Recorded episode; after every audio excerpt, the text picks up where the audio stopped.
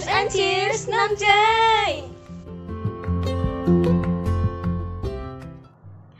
Hai semuanya Welcome back to Tips and Cheers Podcast Woohoo! Yeay Apa kabar semuanya? How are you today? I'm fine thank you And you? I'm fine thank you And you? I'm fine thank you And you? Gak selesai nanti Oke hari ini kita akan bahas apa nih? Tentang Barnum Effect Atau Forer Effect Apa? Tuh? Apa tuh? Sebelum kita masuk ke topik Barnum Effect Mm-mm. Kita akan menjelaskan alasan kita membahas tema ini Oke Jadi kan kemarin kan kita udah tuh mau membahas tentang karakteristik eh, Berdasar elemen. berdasarkan elemen. Nah, terus? ternyata setelah kita observasi di lapangan ada Mm-mm. beberapa orang yang kurang tertarik nih. Wah, Sedih tuh? Sama pembahasan kita yang sebelumnya. Nggak sedih sih Ya kan itu intinya uh, Hmm. ada yang mau mendengar dan ada yang tidak Iya betul betul. gitu. Terus tuh waktu kita tanyain kan, Mm-mm. why? Why? What's wrong? What's wrong? Ternyata apa jawabannya? Terus mereka tuh selain dari sisi agama, Mm-mm. mereka juga takut nih kalau deskripsi yang kita jelaskan di elemen kemarin itu tuh Mm-mm. nantinya akan mensugesti mereka untuk melabeling atau uh, menilai Mm-mm. atau mencap Mm-mm. Mencap siapa nih? Mencap siapa? orang-orang dan diri sendiri. Ah. Makanya gitu. Terus kita apa bikin tema hubungannya ini. sama Barum Effect? Nah, ini belum aku konfirm nih sama orangnya Oh. hubungan mereka. Kenapa hubungan Backstreet? Oke, jadi kita akan bahas di segmen selanjutnya. Yeay. Kau masih gadis atau sudah janda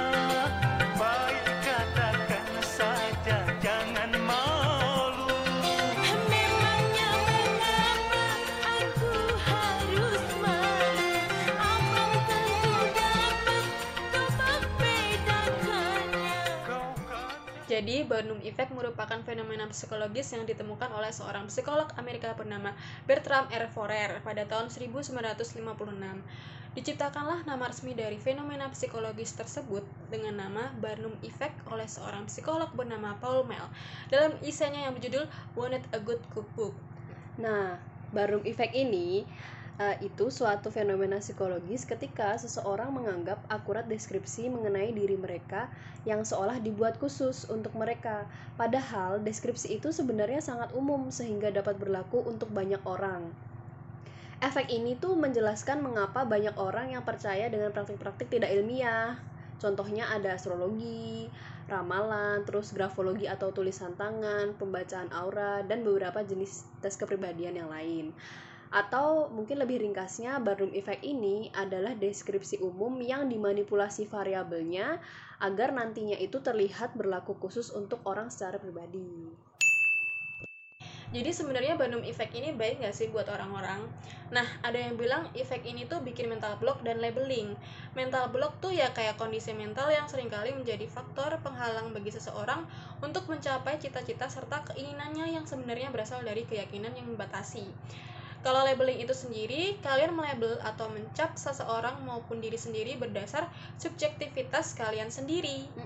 Nah, contoh nih ya, kalian dengar penjelasan karakteristik berdasar elemen kemarin.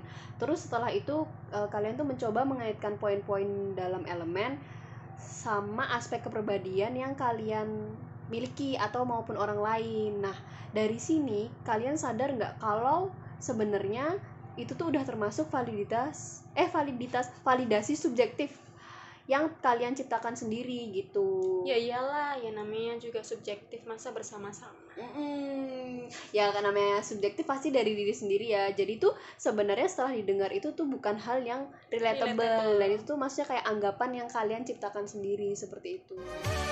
Cahaya manis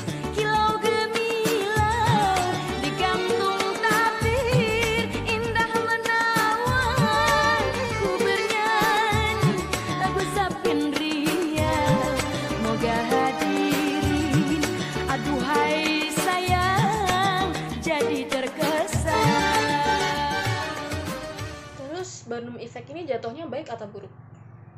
Kalau menurut aku baik itu kalau dari kita sendiri deng- setelah dengar atau setelah membaca kita bisa ambil sisi positifnya bisa meningkatkan atau mempertahankan tapi jadi buruk apabila kita malah eh, mempertahankan sisi negatif atau malah meningkatkan sisi negatifnya seperti itu. Contoh dari pembahasan di topik elemen udara kemarin itu setelah kita dengar penjelasannya terus para pemilik elemen udara ini jadi meyakini salah satu dari karakter elemen udara ada di diri mereka. Contohnya kita ambil yang flirty ya atau suka menggoda. Nah menurut mbak sendiri flirty ini lebih ke negatif atau positif? Negatif nah kalau menurutku juga negatif ya. Apalagi kalau digunakannya secara barbar kayak godain banyak orang gitu Hmm, ya? bener kayak godain banyak orang. Tapi kita bisa ambil sisi positifnya. Seharusnya tuh flirty ini kan harusnya dikurangin atau malah dihilangkan bukan malah dipertahankan atau malah ditingkatkan. Positif ambil posisi positifnya berarti itu tadi ya uh, untuk apa untuk tidak digunakan secara semena-mena semena-mena gitu semena-mena eh eh waka waka eh eh Terus penjelasan karakter tadi itu juga jangan jadiin pemakluman gitu. Jadi mentang-mentang dari elemen temen udara kamu nih gitu. ada yang elemen udara Mm-mm. terus Dengar dia tuh flirty ke mana-mana gitu terus Mm-mm. kalian tuh kasih tahu mereka kayak eh kamu tuh nggak boleh kayak gitu kasihan Mm-mm. tahu kalau godain orang ntar kalau orangnya tuh nangkepnya beda gimana Mm-mm. kalau misalnya nangkepnya jadi baper gimana gitu Mm-mm. terus dia bilang nih iya suka-suka gue kan gue dari elemen udara kan gue emang kayak gini gitu kan Mm-mm. aku kan emang kayak gini ya kalau misalnya orang itu mau nangkepnya beda ya itu bukan urusan aku jangan kayak gitu ya guys Mm-mm. please Jadi jangan jangan dija- malah dijadiin pemakluman Mm-mm. gitu. nggak boleh kalau misalnya kalian merasa flirty kalian itu merugikan banyak orang yang mending kalian kurang-kurangin gak sih? Mm-mm, betul sekali. Laksmana Raja di laut Bersemayam di bukit batu. Ahai hati siapa? Ahai tak terbawa Contoh yang kita jelasin barusan itu yang disebut mental block alias karena nggak mau mengubah hal jelek dan malah memanfaatkan kelek kelekannya. Manfaatkan kejelekannya maksud aing. Aduh. Hidup kok nggak mau berkembang ke arah positif tuh aneh banget kan. Mm-mm. Maksudnya ya kenapa harus eh, mengambil sisi negatif untuk diteruskan gitu dan malah nggak mencoba untuk mengembangkan diri atau sendiri. putar balik. Loh loh loh kok jadi putar balik? Jalan terus belok kiri. Ya loh loh ngapain sih? Terus habis itu kalau contoh yang labeling misal nih kalian ketemu orang baru. Terus habis itu kalian tahu kalau mereka dari elemen udara.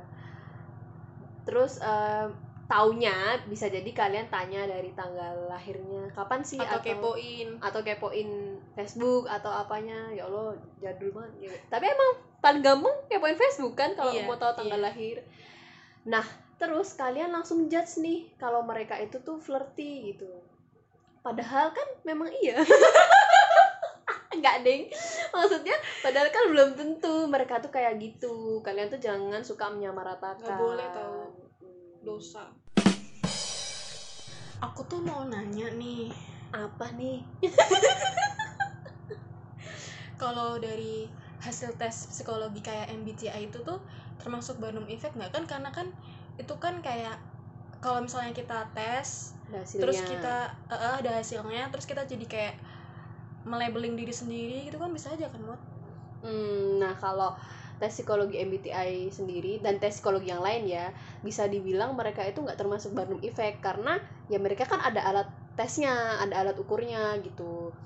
Dan hasil mereka itu akan valid ya apabila misalnya Mbak ngerjain ini memang eh, apa ya jujur gitu. Kalau faking good ya sama aja itu hasilnya akan faking good feeling good. Like I should kalau faking good ya sama aja. Sebenarnya hasilnya eh, nggak sesuai nggak akurat kayak gitu. Jadi sebenarnya eh, nggak Barnum effect ya kayak itu. Karena mereka ada alat ukurnya. Beda kan sama astrologi grafologi dan lain-lain. Kan itu sebenarnya nggak ada alat ukurnya.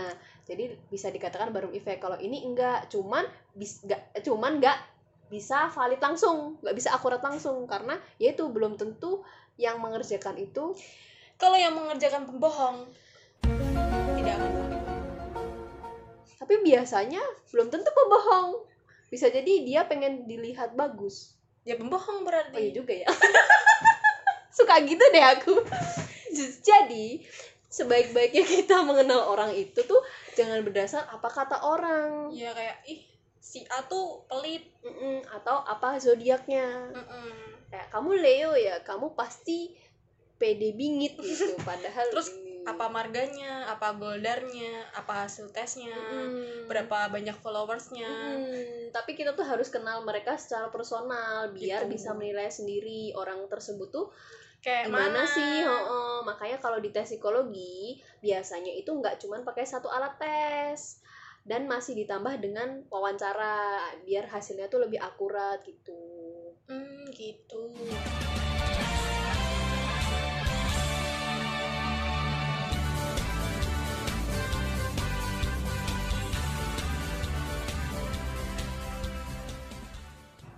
Oke, sekarang aku mau nanya ke Mbak. Kalau misalnya udah banyak orang terlanjur kita nilai atau ngenilai kita negatif, gimana cara kita eh, ngerespon? kalau kita terlanjur menilai negatif orang lain ya kita harus mencoba buat tidak nilai orang sekelas aja dong Mm-mm, terus kalau misalnya menanggapi yang ngenilai kita negatif, kita harus kayak gimana?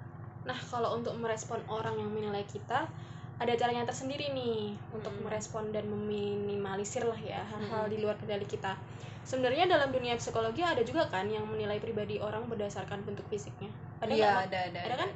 nah itu semua tuh bisa kita respon dengan salah satu cara namanya stoicisme Apa tuh? apa itu stoicisme ini akan menjadi bahan kita selanjutnya terus kita mau bikin giveaway lagi Waduh.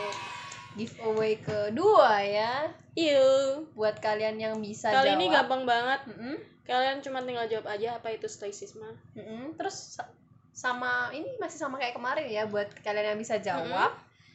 syaratnya kalian tinggal follow twitter Mm-mm. atau instagram baru kita iya. terus betul. like postingan tentang kuis ini Mm-mm. Habis itu kalian bisa replay jawaban kalian di Twitter atau di kolom komen Instagram. Mm-mm. Terus jangan lupa juga pakai hashtag tnc.podcast giveaway. Yoi. Nah, nanti mungkin Instagram baru kita kita kasih des- di deskripsi juga ya. Hmm. Sebenarnya sama sih sama nama Twitter kita ininya. Apanya nama akun Ya Instagramnya ntar lah gampang kita kasih cnc.podcast. Ya itulah. Nah, eh, nanti yang bisa jawab benar akan dapat voucher OVO.